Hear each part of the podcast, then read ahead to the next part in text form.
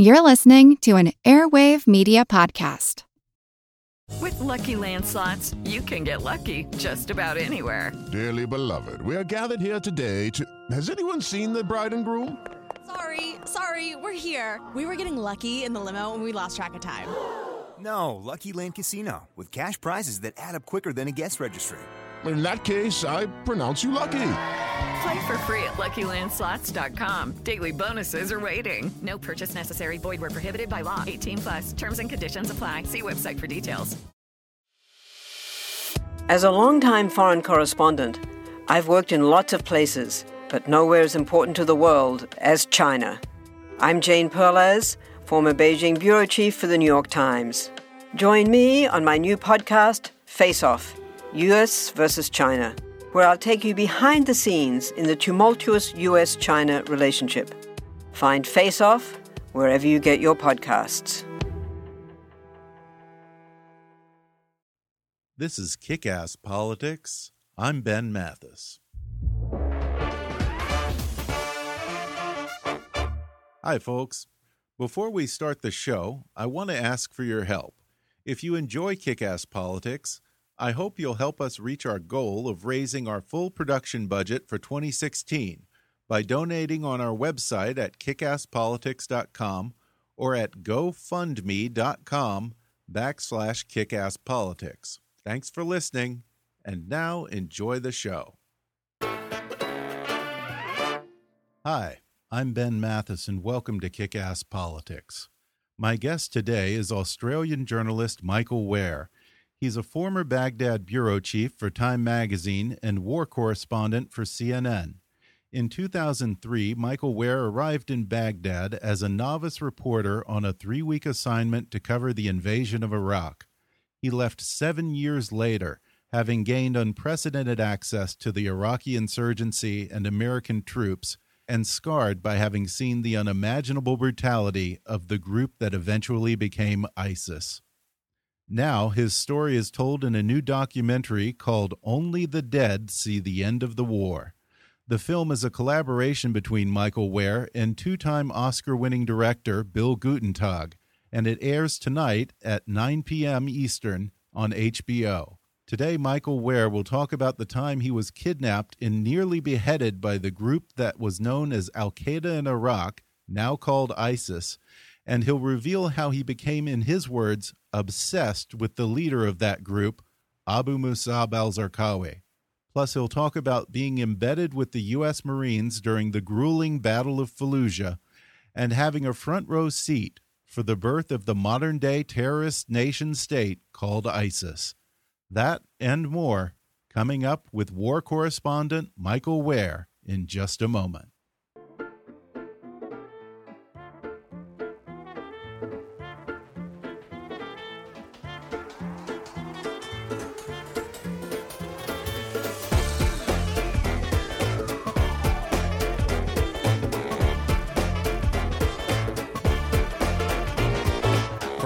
Hollywood to Washington, it's time for Kick Ass Politics. And now here's your host, Ben Mathis. Today I'm joined in the studio by Michael Ware. He was a war correspondent for Time Magazine and CNN, covering the war in Iraq from the moment the coalition forces invaded all the way through the surge. His experience is the subject of a new feature length documentary that airs on HBO tonight at 9 p.m. Eastern called Only the Dead See the End of the War. Michael, thanks for joining me. G'day, mate. It's a pleasure to be here. Well, the film is a collaboration between yourself and two time Oscar winning director Bill Guttentag. It uses mostly your own handycam footage from when you were covering the war in Iraq.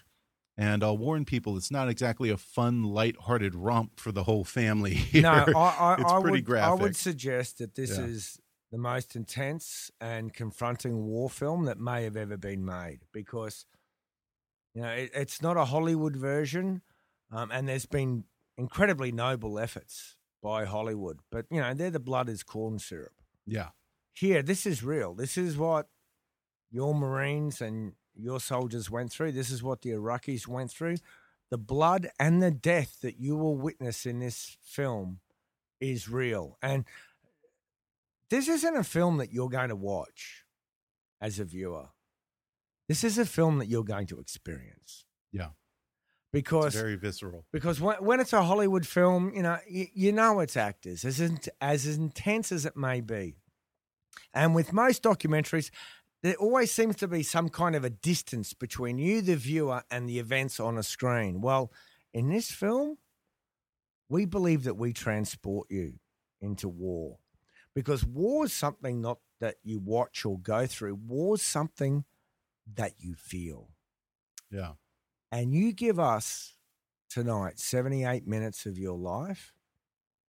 And I guarantee you, you will not be the same person at the end of that 78 minutes because you will have felt what war is like.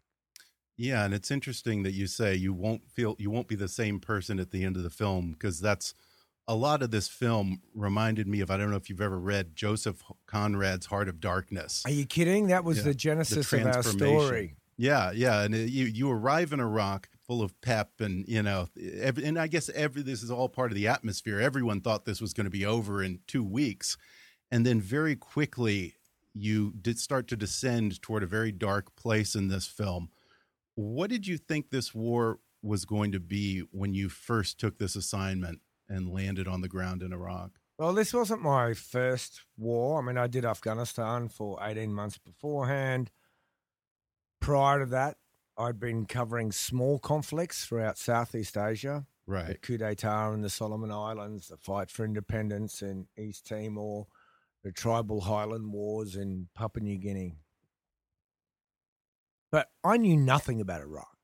Yeah. I mean, I knew nothing. I bought one book before the invasion and read it as quickly as I could to learn about Saddam and the and the broad history of modern history Mm. of the country.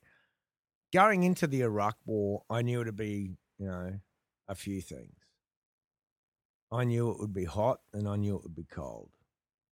I knew it would I'd be hungry and I would be tired. I knew it would be bloody and I knew it was going to hurt. Now, the politics of the Iraq war were completely divorced from me. Yeah. And that was an extraordinary blessing that contributed magnificently, I believe, to my reporting. Because all the Beltway nonsense in DC, I mean, I'd been living in Kandahar, Afghanistan for the last year. I didn't have a clue what was being said on Capitol Hill. The debate about WMD and whether they existed or whether they didn't. I'd never set foot on Iraqi sand. How was I to know if there was WMD or not?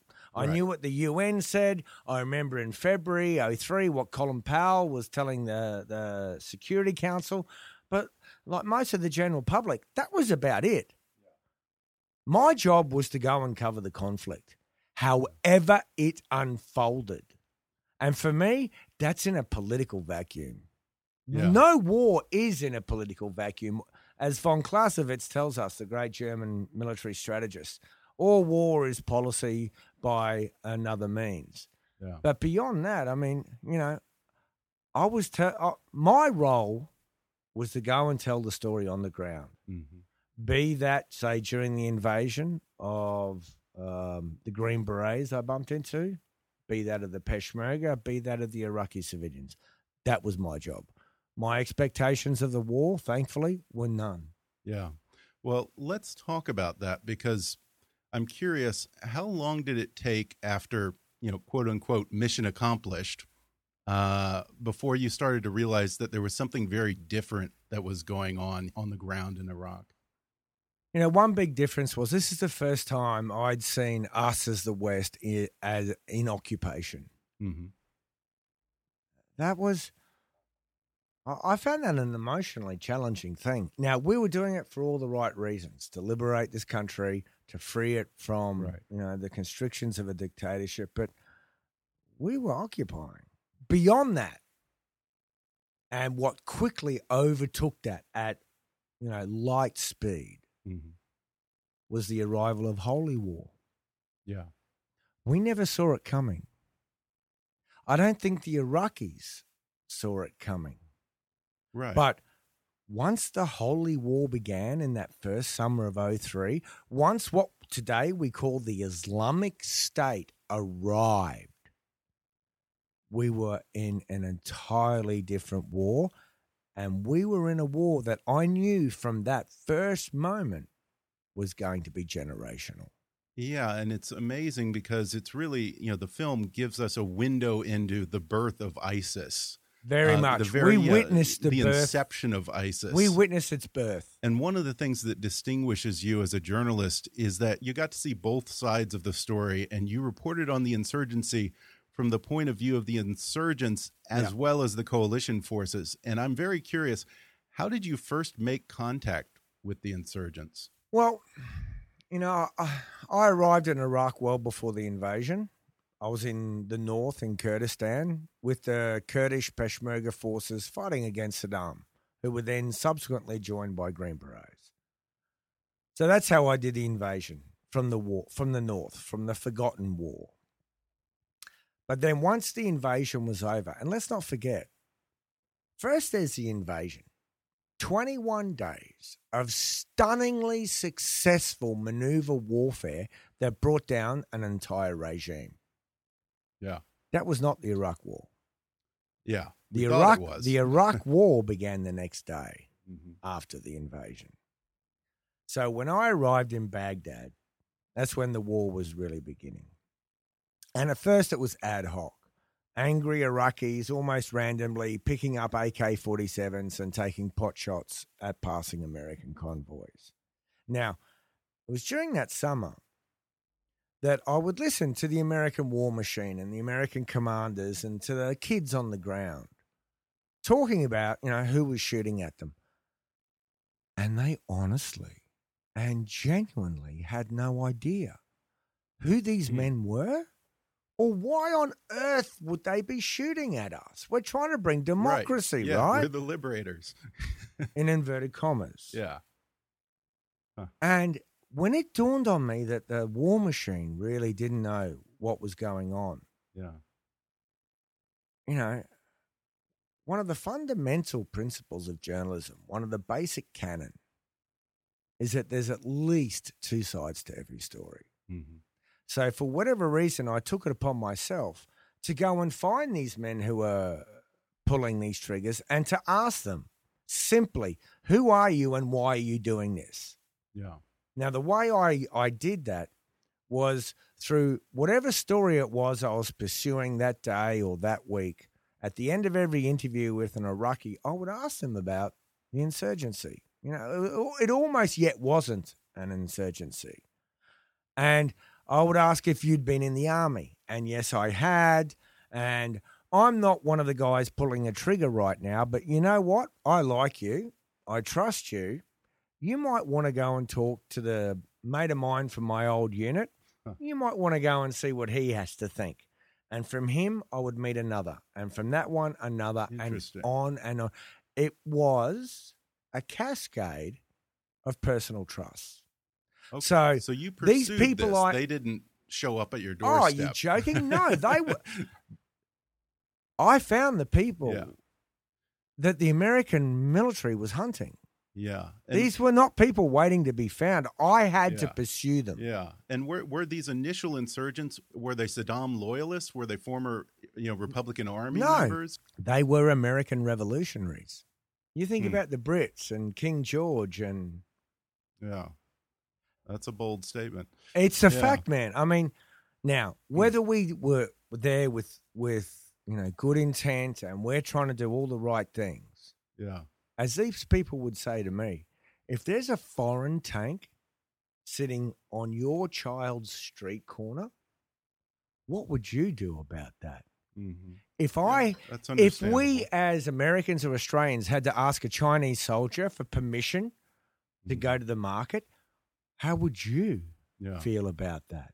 That's what these guys yeah, were doing. I mean, these were Iraq's version of West Pointers, right, many of whom had been American allies for decades. yeah, I remember meeting someone who went on to become a member of the Iraqi National Insurgent High Command. hmm And this is still in the summer of 03. and he's sitting back with his grandchildren in his house in the village on the river. And he said to me, Michael, in the 70s, I did Pathfinder and Ranger training in the United States. In the 80s, I used American satellite imagery to slaughter Iranians. Hmm. Under Saddam, we liked to drink, we liked to chase prostitutes. We didn't let Al Qaeda in here. Every time Saddam purged his military, who do you think he was killing? So when you took out Saddam, we had absolutely no problem with that. Hmm. So, Michael, can you now explain to me in the summer of 03, under the occupation, how all of a sudden, after decades of cooperation, we're suddenly on the opposite sides of this thing?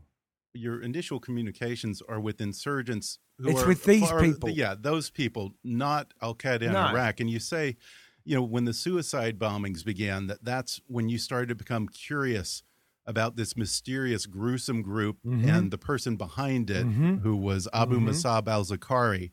When did he first come on your radar? Well, we first heard about Zarqawi during the invasion. Because, okay, I- I, I don't want to bore your listeners, but a quick, a quick footnote of history that everyone's forgotten. When people think back to the invasion of Iraq in 2003, in their minds are long columns of American armor charging through the desert north to Baghdad. Well, you know that there was another invasion, right? That was the invasion of the north. Hmm. In the original war plan, the 4th Infantry Division was to come in through Turkey and tanks were going to blast down from the north south towards Baghdad. Well, at the last minute, the Turks prevented permission for those troops to pass through. So the invasion of the war from the north was a rerun of Afghanistan. It was a war fought in high mountain terrain in snow. Part of my invasion was fought in snow Wow. with Green Berets fighting with local Kurdish Peshmerga forces, the same forces now fighting the Islamic State. Hmm. And in the north, there was two wars. One was the war against Saddam's people, but in a tiny pocket of Kurdistan, tucked up against the Iranian border, was the future of the Iraq War, because there was an Islamic group called Ansar al Islam. Hmm. They controlled 17 villages, and one of Colin Powell's remarks to the Security Council was that this is an Al Qaeda aligned group that was attempting to dabble with WMD, which we largely believe to be true. But after the invasion of Afghanistan, people like Zarqawi fled our invading forces when we brought down the Taliban, passed through Iran, and stopped in in Kurdish Iraq with Ansar al Islam. So I witnessed the first ever suicide bombing of the Iraq War. It was before the invasion, February 26, 2003. What I saw on that tiny front line with those Green Berets and those Kurds fighting these Islamists told me more about the war that was to come and that we still live with than anything that had anything to do with Saddam Hussein. So the insurgency was local good old boys, ex West Pointers who were fighting to free their country. And mm-hmm. anyone could relate to that. They were mm. fighting for a, a, a seat at the political table of power. What was separate was the arrival of the Holy War. Yeah. And that was done by the Jordanian militant Zarqawi, the man who created the Islamic State. And it only took him a year or two before he hijacked the entire war. And unwittingly, inadvertently, it was our, our invasion of Iraq that unleashed the Islamic State upon the world. No one could have seen it coming. And we're still, to this day, trying to put that genie back in that bottle. Well, we're going to take a quick break, and then I'll be back with more with filmmaker and war correspondent Michael Ware. Back in just a moment.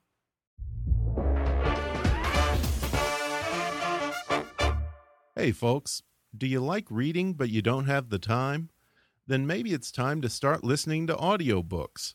Audiobooks are the perfect thing to listen to on your drive to work or on the treadmill at the gym, or how about while you're cooking dinner or relaxing in the tub? You don't have to carve out an hour or two of your day just to focus all your attention on reading a book anymore, because audiobooks are great just about anywhere. And right now, you can listen to an audiobook for free with a special promotion for our listeners from audible.com. Just go to audibletrial.com backslash kickasspolitics for a free 30-day trial and a free audiobook download, which can be any of Audible's 180,000 titles for your iPhone, Android, Kindle, iPad, or MP3 player. That's audibletrial.com backslash kickasspolitics or click on the sponsor link on our webpage at kickasspolitics.com to download the free audio book of your choice. And now, back to the show. We're back, and I'm talking with filmmaker and former war correspondent for Time Magazine and CNN, Michael Ware. So, Michael, tell me this. You have a lot of contact with the insurgents in the earlier part of the film and in the early part of the war. And the non Al Qaeda insurgents, who it seems kind of have a rivalry with Well- the Al Qaeda. well, it's not Al Qaeda. Forget Al Qaeda. Right. Well, uh, Al Qaeda was Iraq, terrified. Zarqawi, yeah. No, Which is separate, yes. Called himself Al Qaeda in Iraq for about 12 months. And that was purely just branding. Yeah. Huh. Al Qaeda was terrified of Zarqawi. Like we see to this day in, these, in Syria, hmm Al Qaeda's affiliate, Jabhat al Nusra, is at war as much with the Islamic State as they are with Assad. Yeah. Al Qaeda and the Islamic State have never been fellow travelers. Mhm. There was one period for about a year and a half where Zarqawi agreed to brand himself as Al Qaeda, but it was very temporal and it didn't last long. Yeah. He- well, And- yeah, he hijacked it basically. And they had to And reject he was even him. too violent He for was Osama bin Laden. precisely. yeah. So, for us now, in hindsight, to talk about Al Qaeda in Iraq, there's one period where that was technically correct, Yeah. but in essence, it never ever was. From day one, it was the Islamic State. Yeah. And you talk about, you say that you became obsessed, in, to use your words, with Al Zarqawi. What was it about him that you were obsessed about, that you wanted to know about this guy? Well, I'd never seen a human darkness like that. Hmm.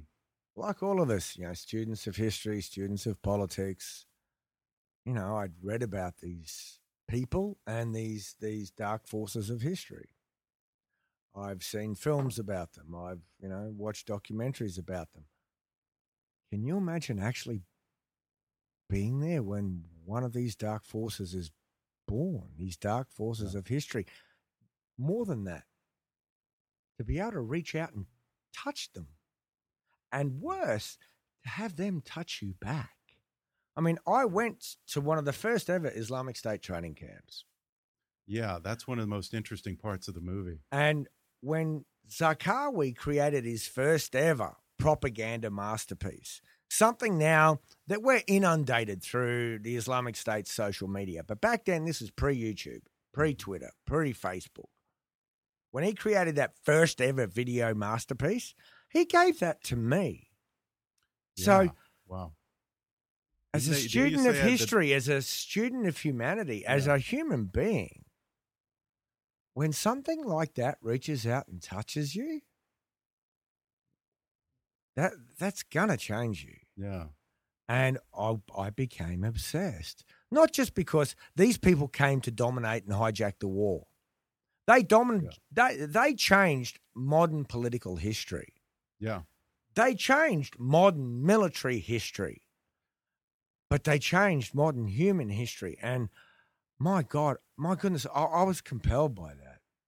I'd never seen anything like that. And I, I just had to understand. Did you ever try to interview him? Yes. Or ever try to make contact? Yes, I did. Yeah. Yes, I did. And through Human Courier, we would pass notes. Oh, really? And in fact, there was a point where in my request for an interview, because I would send him questions in Arabic on Time magazine letterhead. And sometimes I'd get a response and sometimes I didn't. As best as we can tell, pieced together from information we've since gleaned, at one point, Zarqawi apparently decided, yes, I will allow Michael Ware to interview me. He didn't tell me that. He contracted a group of criminal kidnappers to grab me, to sit on me for a week to make sure I didn't have a bug inserted inside me, and then I was going to apparently get the interview. Unfortunately, for that one week of the war, there was two six foot tall Australians coming and going from my house. I was letting a friend of mine from Australia stay at our house. They kidnapped the wrong Australian. Oh my God, you're kidding me.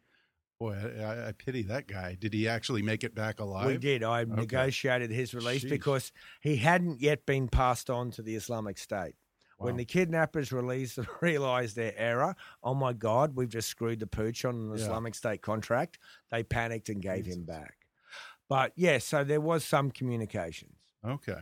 Yeah, and at one point earlier on, uh, the I guess the insurgency in Al Qaeda, whatever you want to The call Islamic it, Al State. the Islamic State, for all intents and purposes, um, takes over Haifa Street in Baghdad, which I really didn't realize when I was watching this on the news that the media made it sound like we had locked down Baghdad. Oh, that was nonsense. That was nonsense. Yeah. We, the only part of Baghdad, you know, we or our troops ever controlled really was that piece of Baghdad immediately under Yeah. our boots. yeah, We never controlled Baghdad. Are you joking? yeah, But yes, in the center of Baghdad, um, at the very heart of the city, was an area called Haifa Street. Now, that was controlled by the nationalist political insurgents. But one day, in a particularly furious battle with the American forces who were uh, uh, responsible for that area, I mean, our forces did not own Haifa Street, they visited it. hmm And every time they did, they had a 72% expectation of contact with the enemy. Now, during one particularly furious engagement with our forces that was so bloody and so bad that when we withdrew, we had to abandon a Bradley fighting vehicle behind. wow, Now, Zarqawi's Islamic State people jump on top of the hulking wreck and start waving their flags. That wasn't just a, a, a blow against us. That was a blow against the insurgency because, you know, these relatively moderate, politically motivated former West Pointers of Iraq had controlled the area. Mhm. But that day, the psychopaths of the Holy War captured the heart of Baghdad, not just from us, but from the Iraqi insurgents. This is an area that was in mortar range of the US Embassy and the Iraqi government's seat of power in the Green Zone. It was a monumental shift in the tide of the war. yeah. And as I was referencing earlier, at one point you're going to meet with the insurgents. Let's, for lack of a better word, we'll call them the good insurgents. Yeah, yeah, yeah, You know? And Well- then you get kidnapped Well, by but they came. Zarqawi's guys. I knew these men in this area. died. I knew these men in this area, right? I visited them many, many, many, many times because you know they may ob- they may have been on the other side of this conflict to our boys, but you could relate to their motivations. You could un- we might disagree, but at least you could understand where they're coming from. The religious holy warriors, I mean, there's just they're from another planet. Yeah. So when this battle takes place and the holy warriors take over, the local insurgent commander, who'd been a colonel or one star general in the Iraqi army, sent a messenger to me, one of his mid ranking commanders, to alert me to this. It wasn't that the Americans had been defeated, it was the holy war has taken over the cap- part of the capital. Mhm. He was as disturbed by this as any American commander. Hmm. And when he sent this mid ranking commander to tell me, I said, I believe you. But for me to be able to tell the American public and the Western public, I need to see it with my own eyes. He goes, Well, that's precisely why I'm here. I've been brought here to bring you in, to take you back in, to let you see this new Islamic State occupied territory. Hmm. And that's when we were spotted. And that's when I was dragged by the car from our car by these Islamic State warriors. And I was dragged behind a building and with a banner hastily slung on the side of the building. I was being prepared for my own beheading that they were going to film with my own camera. Oh wow! And so then what happened? How did I was saved by the in? insurgents. Yeah. Yeah, and that's amazing. That's that's like something out of a movie where you get to that moment Yeah, and really someone bad you get a phone call. Yeah, yeah. It almost Yeah. came down to that. But I was saved by, you know, the insurgents Wow. Who said, He is our guest. You dishonor us if you kill our guest. Yeah. Um, and that right now you outnumber us and you can behead this guy. But just know that if you do so, we're going to start a turf war. Yeah. And on that day, at that time, the Syrians and the foreigners of the Islamic State knew they simply couldn't afford that turf war. And without a hint of exaggeration, it was through gritted teeth that these Syrian holy warriors shoved me back to the Iraqis and said, Fine, take him, get him out of here. wow. And for the next three days, I didn't leave my bedroom. Yeah, I wouldn't either. I would leave the country. Um, you know, we haven't talked about this too much, but you were also embedded with our troops, with Oh. the Marines in Fallujah and Ramadi. Did they ever confront you about your professional relationship with the insurgents, or Look, the fact look. that you they gave you videos to One to of the great, one of my greatest responsibilities in Iraq. You know, yes, I'm living among the Iraqis, and yes, I see the insurgency and this and that, and there's 25 million Iraqis, men, women, and children, and my responsibility is con- to convey to you and to the rest of the world what these civilians are going through. But my greatest privilege during the war was to convey the experience of your Marines and soldiers. And it is my Yeah. tremendous honor to say that I'm one of the first civilians in the history of the United States to nominate a soldier for the Medal of Honor. I was hmm. embraced by the US military, from the upper echelons in the command down to the kids who are kicking in the doors, who are sitting in the gun turrets, who are on patrol, because I bled and I sweat with them. And my most sacred duty was conveying their story. Not what the generals are saying, not what the war planners are saying, but to tell you here back at home what your children were going through. And I can tell you now that every one of them, every unit I went to, every patrol, every platoon, every section that I was with knew that I was also going out with the other side, and they got it. Yeah, and in the end, you quote one of those soldiers as saying, "Certain dark chambers of the heart, once opened, can never be closed again."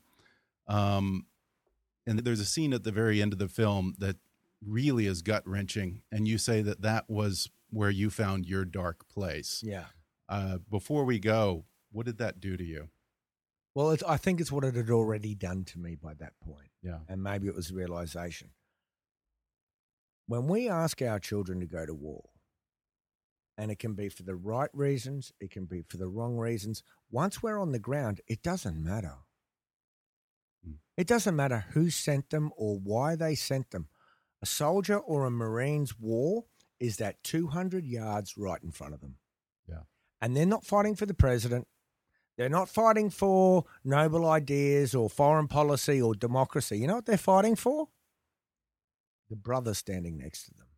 Yeah. And they will give their life to make sure that that brother gets home. And that man will give his life to make sure they get home. Yeah. And it's a love story, really, about what these kids are doing. Hmm. You know? Yeah. And what you need to understand, you can never fully comprehend, but hopefully you can through this film you can gain a one small new insight. When we send these kids to these places, we ask them to go to a place in their hearts and their minds that is so dark and so nasty and so base that they lose themselves. It's fi- it's kill or be killed. Yeah. And that's what we ask of them and that's what they have to come home with. And I love each and every one of them for that. Yeah. Well, I know that you have to go. So before we go, real quick, can I just ask one more question? If uh, Al Zarqawi died before you ever got a chance to interview him, is, is there one question that you would have liked to have asked him that you wanted to know? I don't know. I mean, part of it would have been why, Mm -hmm. you know, and his answer would have been, you know, to create the caliphate. But the one answer I really wanted to know that he would never have been able to answer is how. Hmm. How can a human? I mean, I've just spoken about that hard place a soldier or marine must go to. Yeah. Zarqawi takes humanity somewhere far past that. I mean, it is a darker echelon of being. That's a scary corner of the human soul that I still don't understand. As far as I have been, and I have been down the darkest rabbit hole, I still don't understand. And how he, not just himself, but took a whole new generation of Muslims yeah.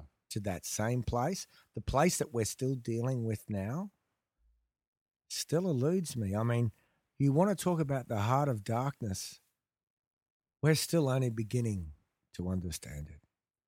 Well, Michael Ware, the film is called Only the Dead See the End of the War, and it airs tonight at 9 p.m. Eastern on HBO. Michael, thanks for joining me. Mate, thank you so much.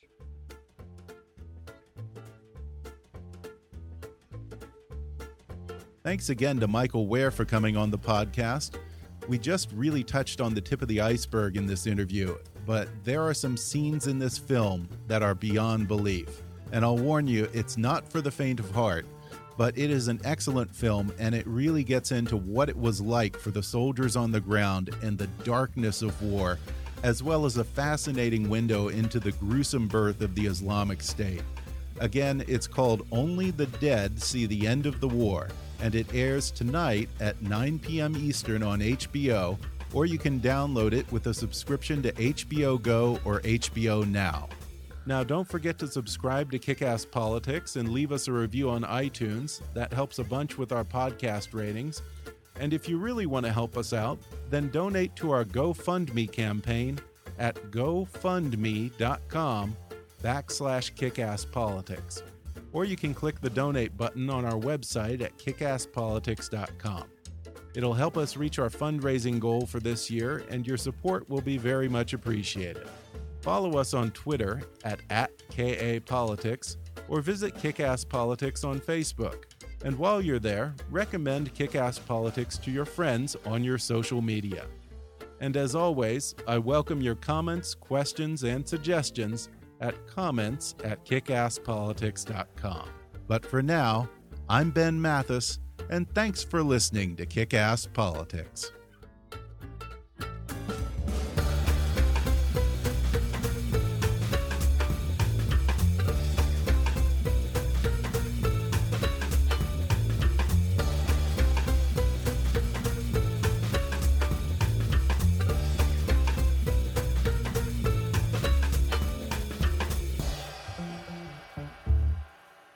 Kick Ass Politics is a trademark of Mathis Entertainment, Inc.